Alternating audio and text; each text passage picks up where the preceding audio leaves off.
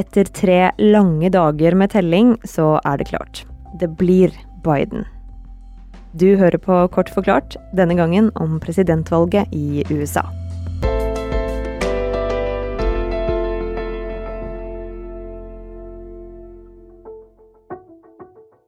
«77 år gamle Joseph Biden blir den neste presidenten i USA.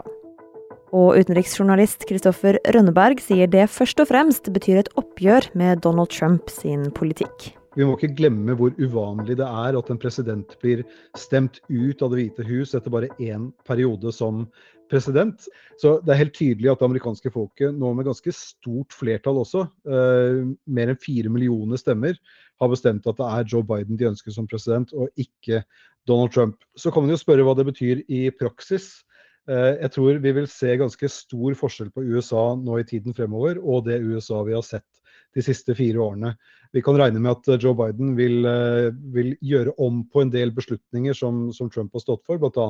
det å trekke seg ut av Parisavtalen eh, og en del andre viktige store samarbeidsprosjekter på, på amerikansk, I amerikansk innenrikspolitikk så tror jeg vi vil se et mye mye tydeligere fokus på en klimavennlig politikk, og forhåpentligvis også Eh, en større oppmerksomhet rundt de store forskjellene som har vokst eh, mellom ulike befolkningsgrupper i USA.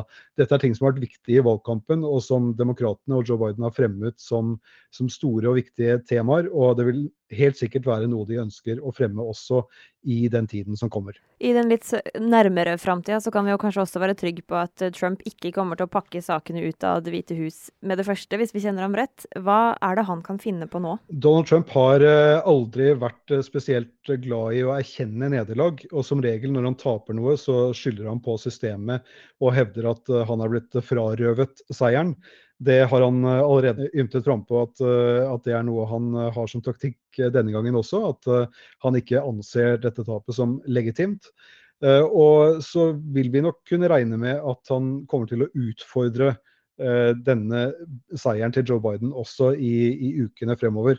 Han har jo eh, allerede levert inn eh, flere søksmål i flere delstater. Noen av dem har eh, fislet litt ut og, rent, og rent ut i sanden allerede. Andre kan hende Eh, vil bevege seg oppover i systemet. Bl.a. I, i Pennsylvania så kan det være snakk om at noen av stemmene eh, vil bli utfordret, spesielt de som har kommet inn sent i valglokalene der. Men det er lite trolig at noen av disse tingene som Trump eh, truer med eller kommer til å gjennomføre, vil ha særlig stor betydning. Det det kommer til å gjøre, at det kommer til å være en del bråk rundt dette, mens Trump og hans støttespillere sier at denne eh, valgseieren er stjålet fra dem, og at Biden ikke er en legitim president.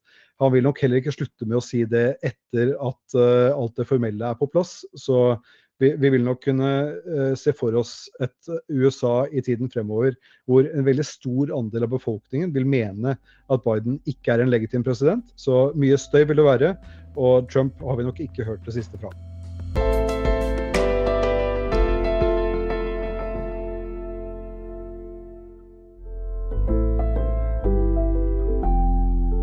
Denne episoden av Kort forklart er lagd av Fride Næss Nonstad og meg, Anne Lindholm.